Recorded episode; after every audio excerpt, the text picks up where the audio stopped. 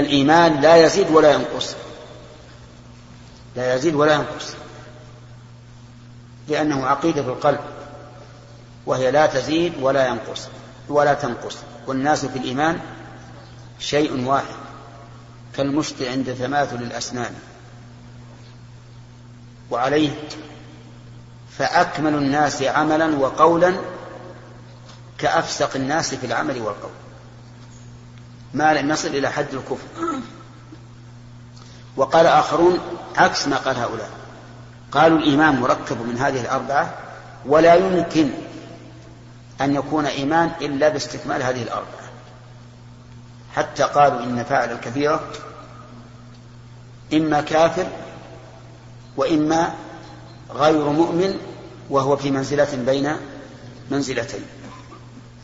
أما أهل السنة والجماعة فقالوا الإيمان يشمل هذه الأشياء الأربعة وهي العقيدة عقيدة القلب وعمل القلب وقول اللسان وعمل الجوارح.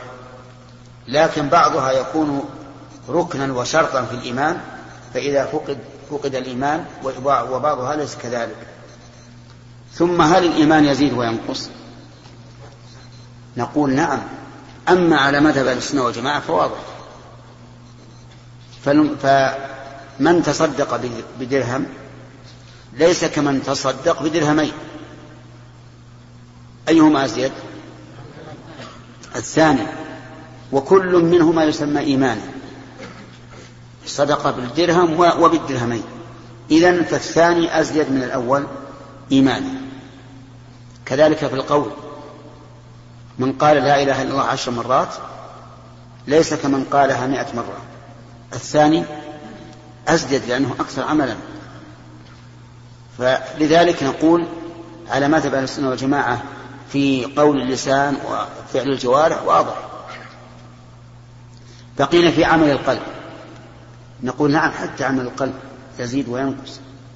فرجل لا يتوكل إلا على الله ولا يخاف إلا الله ولا يرجو إلا الله ليس كشخص لا يتوكل إلا على الله ولكن في الرجاء والخوف يرجو على الله ويخاف. الأول أكمل وأزيد. طيب. في العقيدة هل يختلف الناس بذلك؟ نعم يختلفون في ذلك. لو أن رجلا أخبرك بخبر اعتقدت ما دل عليه الخبر. ثم جاءك آخر فأخبرك به. ازددت يقينا. ثم جاءك ثالث وأخبرك به. إيش؟ ازددت يقينا. ثم شاهدت المخبر عنه ازددت يقينا. ولهذا قال إبراهيم لما قال أرني كيف تحيي الموتى قال الله تعالى أولم تؤمن؟ قال بلى ولكن ليطمئن قلبي. والله أعلم. أنا عندي باب الإيمان وقول. عندكم باب الإيمان باب قول؟ ها؟ ما في واو. باب الإيمان باب قول؟ نعم. كتاب الإيمان باب قول. كتاب الإيمان وقول أنا عندي كتاب الإيمان هذا كتاب عام.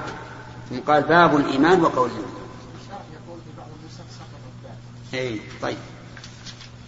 أحسنت. قال الله تعالى ها ها؟ لا ما في شيء. ما في شيء لأن هذه أقول أحاديث الفوائد فيها ما هي كثيرة. قال الله تعالى ليزدادوا إيمانا مع إيمانهم وزدناهم هدى ويزيد الله الذين اهتدوا هدى والذين اهتدوا زادهم هدى وآتاهم تقواهم ويزداد الذين آمنوا إيمانا. وقوله أيكم زادته هذه إيمانا؟ فأما الذين آمنوا فزادت فزادتهم إيمانا. وقوله جل ذكره فاخشوهم فزادهم إيمانا وقوله وقوله تعالى وما زادهم إلا إيمانا وتسليما. والحب في الله والبغض في الله من الإيمان. وكتب عمر بن عبد العزيز إلى عدي بن عدي إن للإيمان فرائض وشرائع وحدودا وسننا فمن استكملها استكمل الإيمان ومن لم يستكملها لم يستكمل الإيمان. فإن أعش فسأبينها لكم حتى تعملوا بها وإن أمت فما أنا على صحبتكم بحريص. وقال إبراهيم ولكن ليطمئن قلبي. وقال معاذ اجلس بنا نؤمن ساعة. وقال ابن مسعود اليقين الإيمان كله. وقال ابن عمر لا يبلغ العبد حقيقة التقوى حتى ما يدع حتى يدع ما حاك في الصدر. وقال مجاهد شرع لكم أوصيناك يا محمد وإياه دينا واحدا. وقال ابن عباس شرعة ومنهاجا سبيلا وسنة. بسم الله الرحمن الرحيم. هذا الباب هذا الكتاب كتاب الإيمان. والإيمان اختلف الناس فيه على طرفين ووسط كغالب الاختلافات في باب العقيدة. فمن فمن الناس من يقول الإيمان هو عقيدة القلب. بل زاد بعضهم وقال الإيمان هو المعرفة فقط. ولم يجعلوا القول من الإيمان. ولم يجعلوا الفعل من الإيمان وهؤلاء هم المرجئة ولاة المرجئة وهم الجهمية. والجهمية جمعوا ثلاث جيمات كلها ضلال. الجه... الجهمية في الصفات والجبرية في أفعال العبد والمرجئة في الإيمان. فبئس الجيمات. نعم وبئس الجمع بينها وقسم آخر من الناس شدد في إثبات أن الإيمان قول عقيدة وقول وفعل. وجعلوا الفعل من الإيمان ووجود هذه الأفعال شرط في الإيمان. وهؤلاء الخوارج والمعتزلة. ولهذا قالوا بتكفير فاعل الكبيرة. والقسم الثالث وسط. قالوا الإيمان عقيدة وقول وفعل وليس معنى قولنا قول وفعل أن أن هذه الأجزاء شرط في ثبوت أصله كما قالت من؟ الخوارج والمعتزلة وهذا مذهب السلف. والمؤلف رحمه الله زاد على أن الإيمان قول وفعل قال يزيد وينقص. وأظن شرحنا هذا الباب. ما شرحناه؟ في نفس الدرس. لا في نفس الدرس هذا. شرحناه. قلنا يزيد وينقص. يزيد في الاعتقاد ويزيد في الاعتقاد وفي القول وفي الفعل. يعني أن محل زيادة الإيمان في الاعتقاد وفي القول وفي الفعل. أما في الاعتقاد فإن الإنسان تزداد عقيدته في الشيء كلما ازداد الخبر عن هذا الشيء. أليس كذلك؟ وتزداد العقيدة بالمشاهدة بدلا عن الخبر. أرأيت لو جاءك رجل وقال حصل اليوم في السوق كذا وكذا. وهو ثقة. فقد صار عندك شيء من العقيدة. ثم جاء آخر وأخبرك بما أخبرك به الأول وهو ثقة. يزداد العلم عندك. أليس كذلك؟ ثم إذا جاء الثالث والرابع ازداد. وكلما تعدد المخبرون ازداد الإنسان يقينا. ولهذا قال العلماء إن المتواتر يفيد العلم اليقين. كذلك المشاهدة. ليست كخبر. فإن الإنسان يجد الفرق بين عقيدته المبنية على خبر الثقات وبين المشاهدة. وإبراهيم عليه الصلاة والسلام لما قال رب أرني كيف تحيي الموتى قال أولم تؤمن؟ قال بلى ولكن ليطمئن قلبي. إذا الإيمان يزداد في أصله وهو العقيدة وهذا أمر لا إشكال فيه والناس يختلفون في ذلك على فرق شتى والإنسان في نفسه يجد من نفسه أحيانا إيمانا كأنما يشاهد الغيبيات رؤيا العين وأحيانا يحصل منه غفلة. يزداد الإيمان بزيادة القول وهذا واضح. فليس أجر من شهد أن لا إله إلا الله ألف مرة كأجر من شهدها عشر مرات. ويزداد أيضا بالفعل. فليس من صام عشرة أيام كمن صام من صام يوما كمن صام عشرة أيام. فهو يزيد وينقص. واستدل المؤلف بالآيات التي ذكرها. ثم نقل كتاب عمر بن عبد العزيز جازما به. معلقا جازما به. كتب إلى علي بن عدي وهو من أمرائه إن للإيمان فرائض وشرائع وحدودا وسننا. فمن استكملها استكمل الإيمان ومن لم يستكملها لم يستكمل الإيمان ولم يقل لم يكن مؤمنا. بل قال لم يستكمل الإيمان لأنه ليس كل فعل يفوت الإنسان يكون به كافرا ثم قال رحمه الله فإن أعش فسأبينها لكم حتى تعملوا بها. جزاه الله خيرا وأثابه على ما نوى أنه سيبينها لأنه عالم فقيه من فقهاء التابعين. عمر بن عبد العزيز رحمه الله وإن أمت فما أنا على صحبتكم بحريص. ليش؟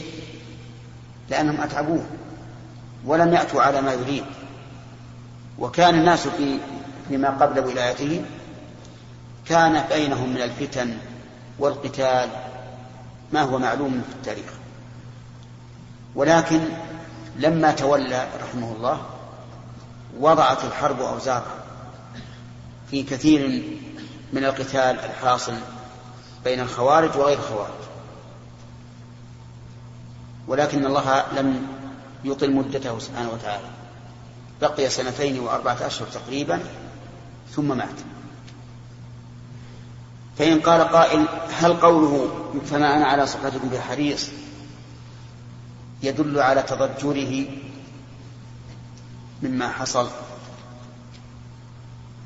فالجواب نعم. ليش؟ يبقى أنا ما بحريص عليه. أنا أحب أن أفارقه. نقول التضجر نوعان. تضجر من المقضي وتضجر من القضاء. فإذا تضجر الإنسان من المقضي فإنه لا يلام. يرى أحوال الناس على غير السداد فيتضجر ويتألم. أما من القضاء فلا يجوز التضجر منه لأن قضاء الله تعالى كله حكمة وكله يستحق عليه الحمد. سواء فيما يسوء الإنسان أو فيما نعم أو فيما لا يسوء.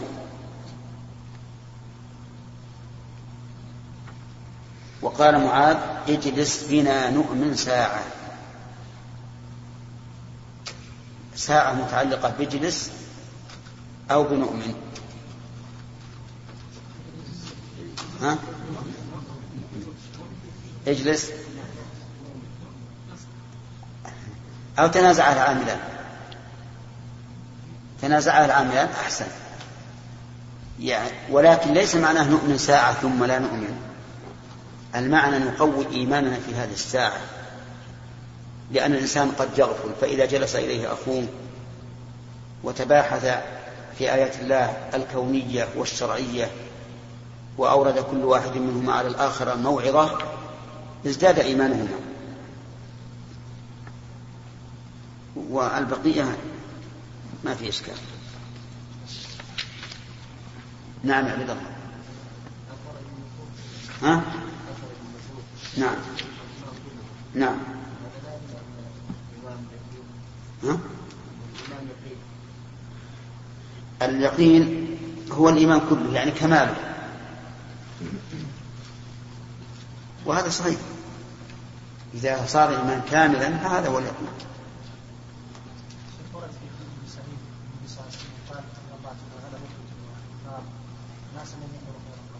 نعم.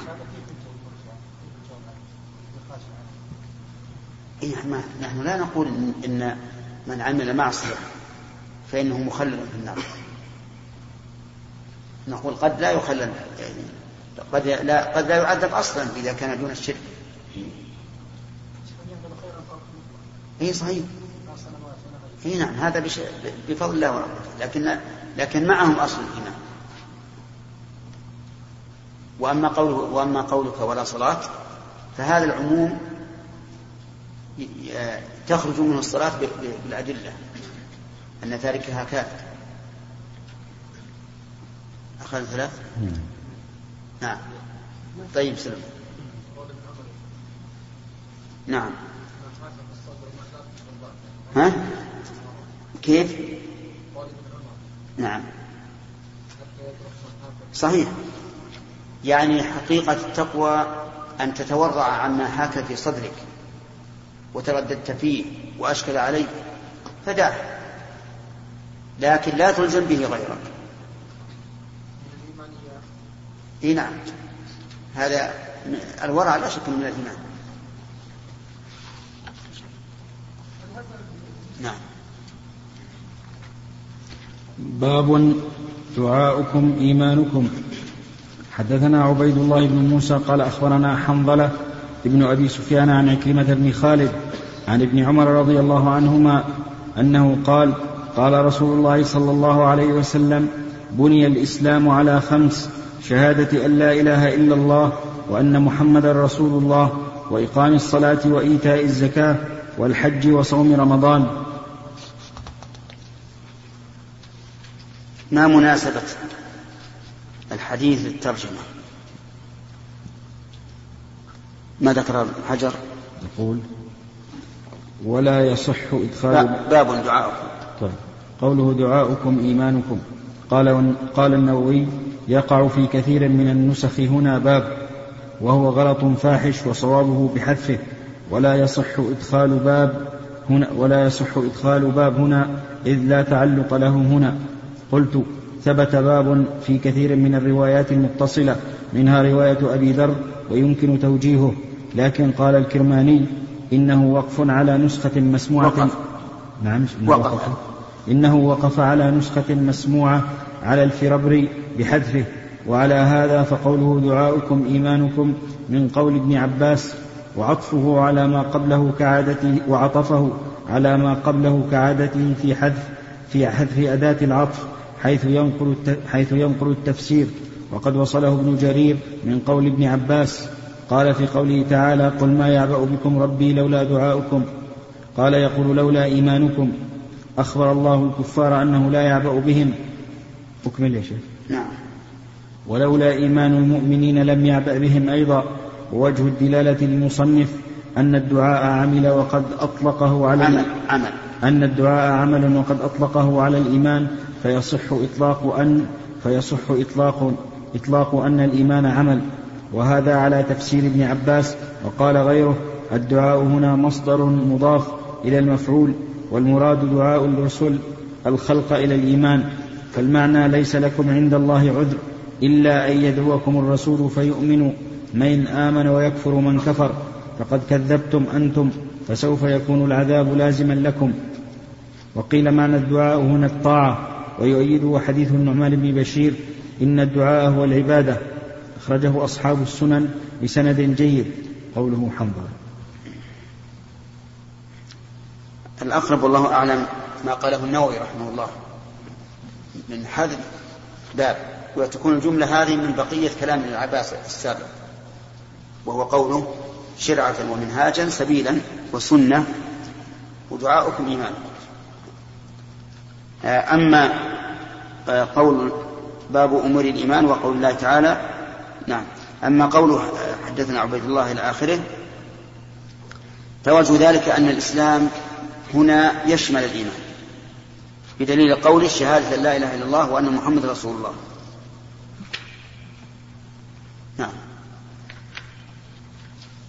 باب أمور الإيمان. وقول الله تعالى ليس البر أن تولوا وجوهكم قبل المشرق والمغرب ولكن البر من آمن بالله واليوم الآخر والملائكة والكتاب والنبيين وآتى المال على حبه ذوي القربى واليتامى والمساكين وابن السبيل والسائلين وفي الرقاب وأقام الصلاة وآتى الزكاة والموفون بعهدهم إذا عاهدوا والصابرين في البأساء والضراء وحين البأس أولئك الذين صدقوا وأولئك هم المتقون. قد أفلح المؤمنون الآية. هذه أمور الإيمان ليس البر أن تولوا وجوهكم قبل المشرق والمغرب ولكن البر من آمن بالله واليوم الآخر إلى آخره. هذا بيان أن البر لا يختص بأن يتوجه الإنسان إلى المشرق أو إلى المغرب بل البر أن يؤمن بالله.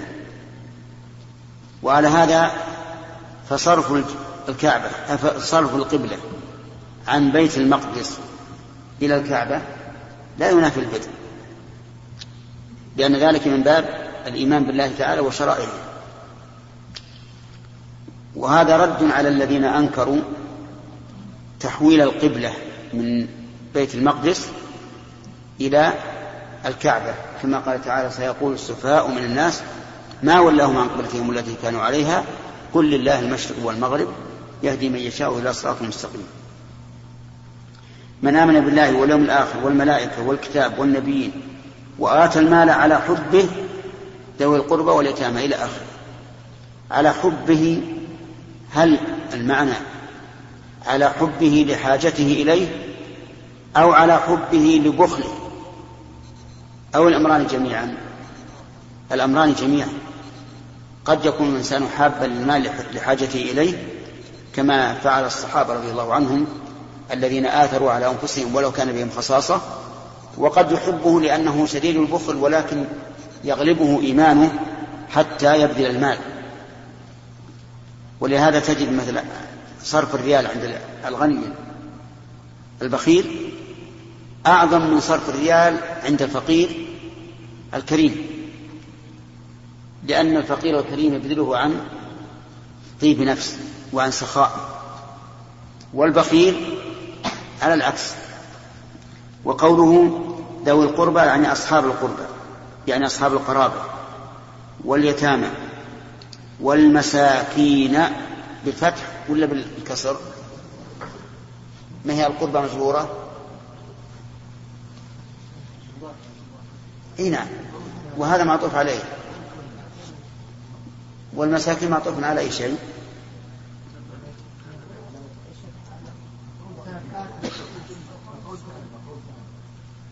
محو ثاني وفيه واو عطف. أين المفعول الثاني؟ على ذوي. صح. وآتى المال على حبه أصحاب القرابة. وعلى هذا فقوله واليتامى منصوبة فتحة مقدرة على الألف. والمساكين إلى وابن السبيل والسائلين. السائلين ولو كانوا أغنياء. نعم. والسائلين ولو كانوا أغنياء. كما قال الله تعالى وفي أموالهم حق للسائل والمحروم. وكان النبي صلى الله عليه وسلم لا يرد سائلا سأله. وعليه ينطبق ينطبق قول الشاعر ما قال لا قط إلا في تشهده لولا التشهد كانت لاؤه نعم. نعم. وهذا البيت لا لا يليق إلا بالرسول عليه الصلاة والسلام. ما سئل شيئا عن الإسلام إلا أعطاه. إذا السائل له حق. ولكن إذا قال قائل إذا كان في إعطاء السائل مفسدة وهو إغراؤه بالسؤال فهل يعطى؟ يعني فهل يعطى ثم ينصح أو ينصح ولا يعطى؟ نعم. الأول أحسن. الأول أحسن. أن تعطيه ثم تنصحه وتخوفه بالله عز وجل. وفي الرقاب المماليك تشترى وتعتق وأقام الصلاة. أقام معطوفة على إيش؟ ها؟ على آمن. يعني ومن أقام الصلاة؟ وآتى الزكاة. والموفون بعهدهم إذا عاهدوا. والصابرين في البساء والضراء. هنا يأتي الإشكال. الموفون بالرهن والصابرين بالياء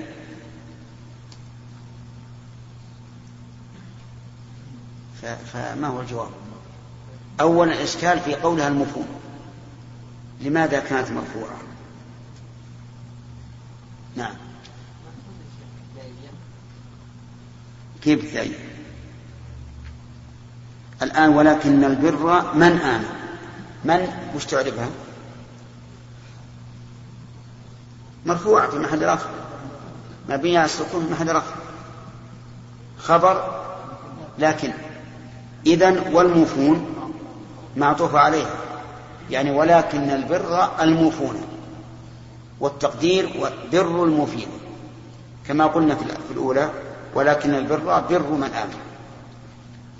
بقي يجي الإشكال الثاني وهو قوله والصابرين.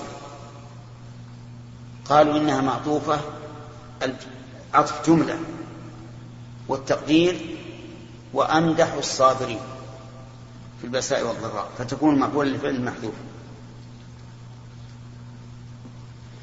قال الله تعالى في البأساء والضراء وحين البأس أولئك الذين صدقوا وأولئك هم المتقون. جعلنا الله وإياكم. نعم. يدل على أن الإيمان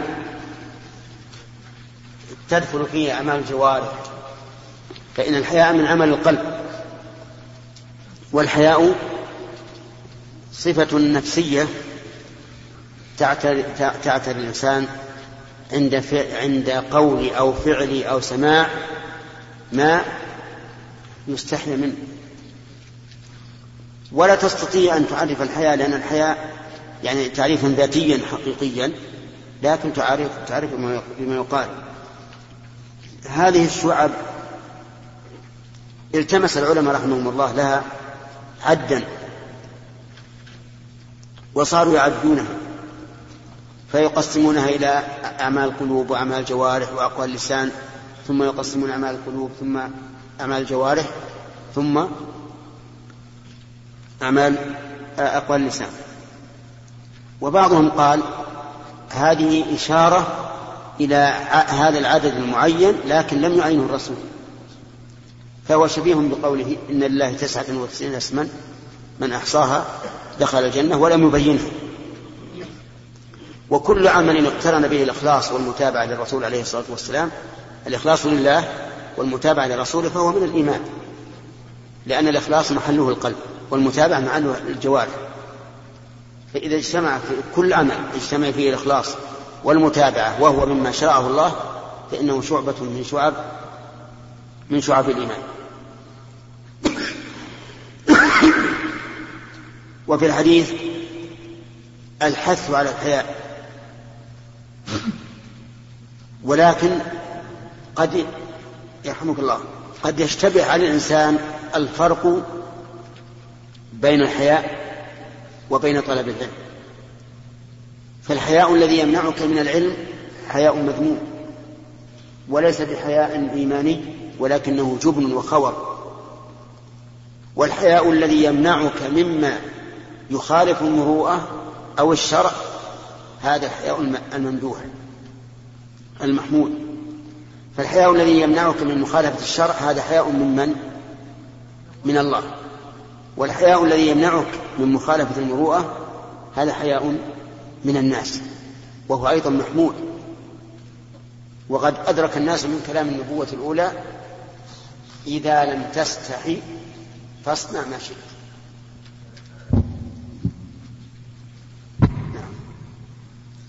باب المسلم من سلم المسلمون من لسانه ويده.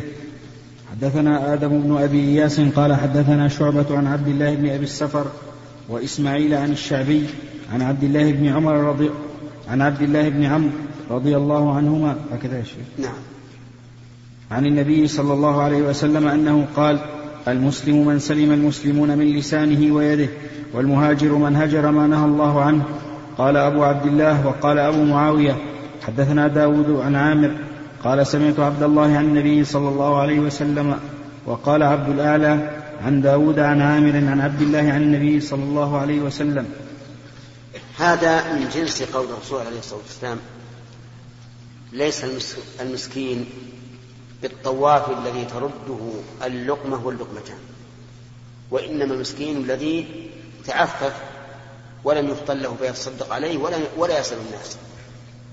فهنا لو لو لو نظرت إلى المسلم من سلم المسلمين من لسانه ويده لوجدت أن الجملة تفيد الحصر لتعريف طرفيها والجملة الاسمية إذا تعرف طرفاها فهي مفيدة للحصر.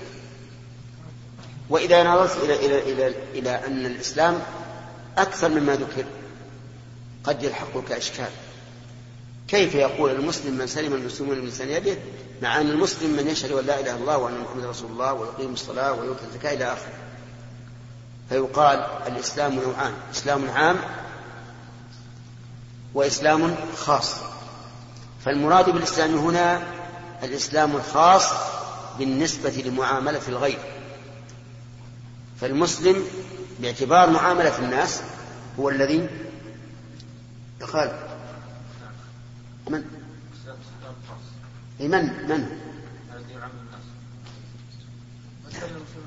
أين من سلم المسلمون من لسانه ويده هذا المسلم.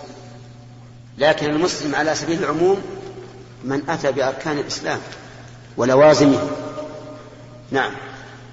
وإن شئت فقل المسلم في حق الله هو من شهد أن لا إله إلا الله وأن محمد رسول الله وأتى بأركان الإسلام الخمسة والمسلم في حق العباد أو المخلوق من سلم المسلمون من لسانه ويده. كذلك نقول في المهاجر. المهاجر من هاجر ما نهى الله عنه. هذا عام. المهاجر الهجرة الخاصة هي الانتقال من بلد الشرك إلى بلد الإسلام. وعلى هذا فالمهاجر من هاجر ما نهى الله عنه أعم من الهجرة الخاصة التي هي الانتقال من بلد الشرك إلى بلد الإسلام لأن هذه الهجرة داخلة في هجر ما نهى الله عنه. طيب إذا من ترك الغيبة امتثالا لأمر الله فهو مهاجر؟ مهاجر. تقول مهاجر؟ طيب من ترك الكذب لله مهاجر. وهل مجرى نعم. باب أي الإسلام أفضل. حدثنا سعيد بن يحيى بن سعيد القرشي قال حدثنا أبي قال حدثنا أبو بردة ابن عبد الله بن أبي بردة عن أبي بردة عن أبي موسى رضي الله عنه أنه قال قالوا يا رسول الله أي الإسلام أفضل؟ قال من سلم المسلمون من لسانه ويده. باب إطعام الطعام. هذا ما يقال أي الإسلام أفضل بالنسبة لمعاملة إيش؟ الناس. كالأول. أو يقال أي الإسلام أسد... أي نعم.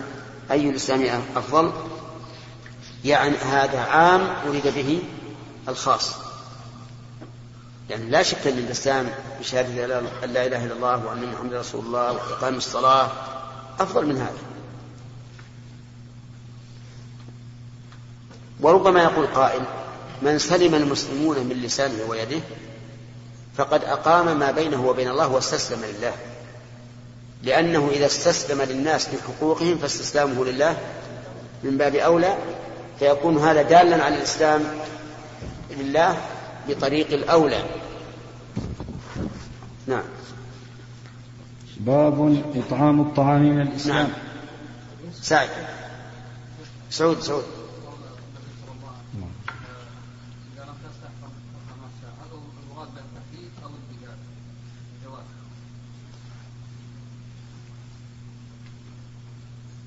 إذا لم تستحي فاصنع ما شئت. هذه لها معنيان. المعنى الأول إذا لم يكن فعلك مما يستحيا منه فاصنع ما شئت. والثاني إذا كنت ممن لا يستحي فالذي لا يستحي يصنع ما شاء. فهمت؟ نعم.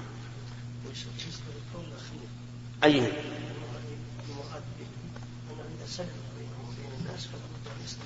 نعم. نعم. ما هو لله؟ اللي يسلم ما بينه وبين الناس ولا, ولا يسلم ما بينه وبين الله ما يكون هذا لله نعم قد يقول قائل كيف نقسم الحياة إلى ممدوح ومجنون وقد قال النبي عليه الصلاة والسلام الحياة خير كله أو كل خير ومما يدل على ذلك أن عمران بن لما ذكر الحديث وكان في حضرته بشير بن كعب قال إننا نجد في بعض الكتب والحكمة أن منه سكينة وقال الله تعالى ومنه بعد فغضب عمران حتى احمر التعليم فكيف يعني نوفق بين هذا وبين قول النبي عليه الصلاة والسلام الحياة خير كله نعم الحياء الذي يكون محمودا. أما الحياء المذموم وهو الحياء من طلب العلم ونحوه أو من إبانة الحق فهو مذموم. ولهذا قال ابن مسلم يا رسول الله إن الله لا يستحي من الحق. ثم سألت فدل ذلك على أنها لو سكتت حياء لكان ذلك الحياء مذموما.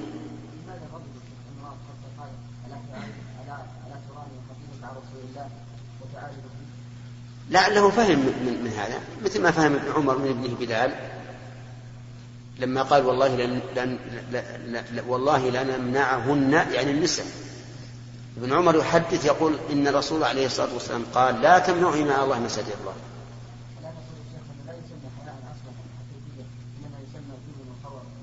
هو ولهذا قلنا إنه مذموم وهو في الحقيقة جبن وخبر نعم لهذا مثلا لو جاء واحد قال والله أنا استحيت إني أسأل فلان عن كذا وكذا. يقول هذا حياء ليس بمحله وهو يسمى حياء لكن ليس بمحله نعم. هل يا شيخ الخجل هو نفسه الحياء أم هو أم هو المذموم؟ أم هو الحياء؟ لا لا حتى الخجل أيضا. الخجل مما يصح منه شرعا لا بأس به. فالحياء والخجل متقاربان لكن لعل الخجل يكون ملامح الوجه أظهر منه في الحياة. نعم.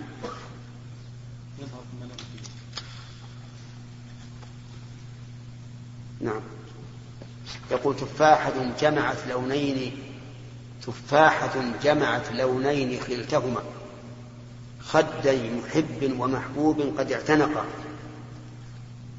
تعانقا فريا واش فراعهما.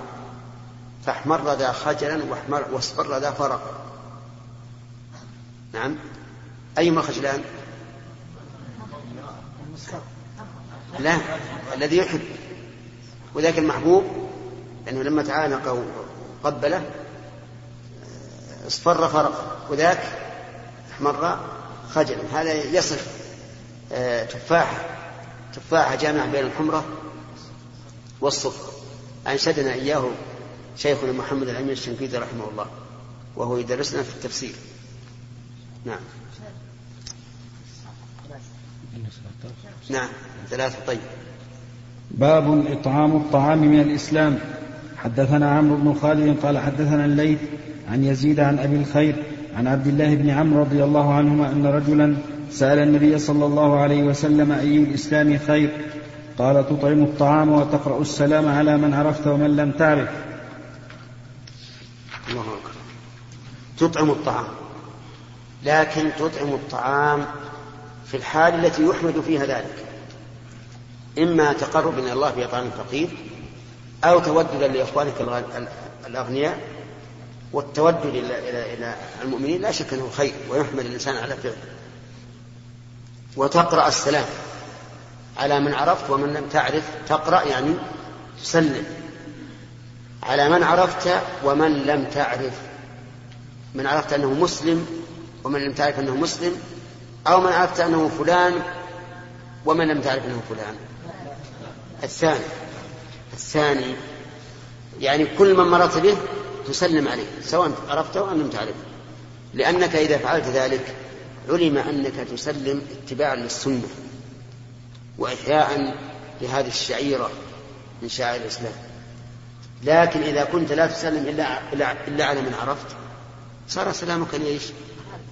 للمعرفة فقط وهذا هو الذي ابتلي به كثير من الناس اليوم نعم كثير من الناس اليوم مبتلى بهذا الشيء إذا يقيك الإنسان نعم ما يعرفك ما يسلم حتى لو واحد لو واحد وأنت معك صاحب لك ما يسلم لكن في مثل هذه الحال هل يقول تمسك يده تقول تعال ليش ما سلمت؟ ولا تتركه يمشي؟ نعم. لا أنا أنا أرى أنك تمسك. وتعال ليش ما سلمت؟ ودائما نفعله إذا مسكناه. تعال ليش ما سلمت؟ يمكن يصفر وجهه خجل. فرقا. فيقول والله أنا غافل. غافل. كيف غافل؟ وتشوف رجال أمامك يمشون. نعم. هذه أنا عندي أنه ما عاد ينساه أبدا في حياته نعم. يسلم إن شاء الله في المستقبل على من عرف ومن لم يعرف. نعم؟ كيف؟ عاد القصد إنه بيحرص ها؟ إيه؟ والله لا شوف لو الناس اعتادوا هذا إذا كان إذا كان مثلا من الإنسان يعني يخاف انه يقبل منه يقول تعال يا أخي جزاك الله خير. السلام لك فيه عشر حسنات. وسبب للمحبة والمحبة بها كمال الإيمان وكمال الإيمان سبب لدخول الجنة. وترغبون تقول الآن لو واحد قال لك شوف كل ما لقيت إنسان وسلمت عليه بيعطيك ريال. سلم ولا ما سلم؟ نعم؟ يدور السوق اللي فيه ناس واجد عشان يسلم عليه نعم؟ وأنت ما تسلم لك عشر حسنات مدخرة عند الله يزداد بها إيمانك في الدنيا. وثوابك في الآخرة. ما نتعاون في الواقع الناس مجلس ولا سلم يذكروا الناس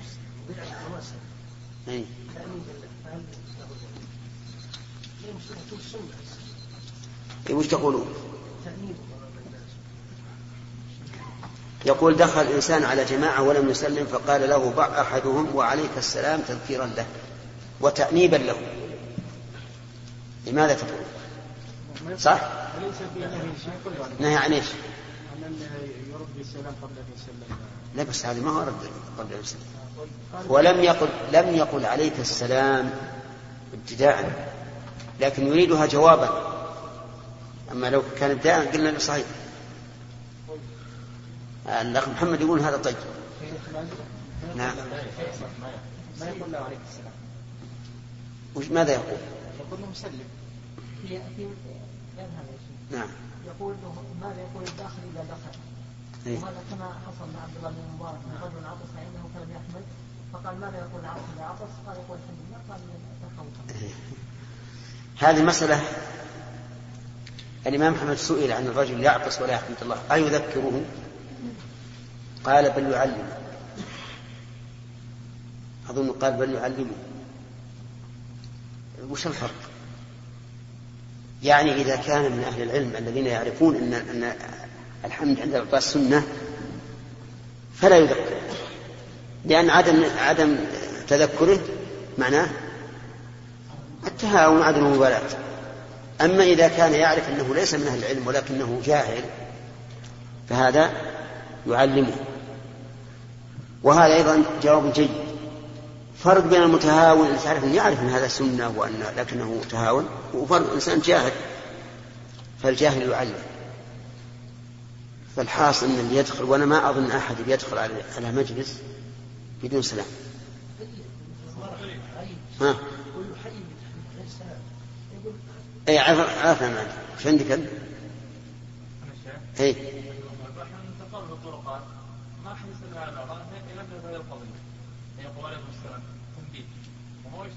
يقول كل ما مر بواحد عليكم السلام عليكم السلام. لا صح. لا أنا عندي ان, إن اذا صار طالب علم أمس وأتكلم معه أقول يا أخي ليش ما سلمت؟ ليش خليه يحيى السنة. وسبحان الله العظيم ان السلام يحصل فيه انس الإنسان بأخيه ومحبته. ثم هو من كمال الإيمان والإيمان من دخول من أسباب دخول الجنة. ليش ما نفعل؟ نعم؟ كيف؟ تذكيرا. نعم صحيح يقول بعض الناس. لكن لكن إذا قال عليكم السلام وقال ذاك السلام عليكم. تكتفي بالرد الأول؟ لا. لأنه قبل وجود السبب. وفعل الأشياء قبل أسبابها؟ قرناه بقواعد فقهية الشيء قبل سببه؟ لاغ لا قبل شرط نعم؟ نعم. والله أعلم. انتهى الوقت. نعم؟ بعد العشاء. نعم. بسم الله الرحمن الرحيم. قال رحمه الله تعالى باب من الإيمان أن يحب لأخيه ما يحب لنفسه. حدثنا مسدد قال حدثنا يحيى عن شعبة عن قتادة عن أنس رضي الله عنه عن النبي صلى الله عليه وسلم وعن حسين المعلم قال حدثنا قتادة عن أنس عن النبي صلى الله عليه وسلم أنه قال لا يؤمن أحدكم من فضلك حتى يحب لأخيه ما يحب لنفسه.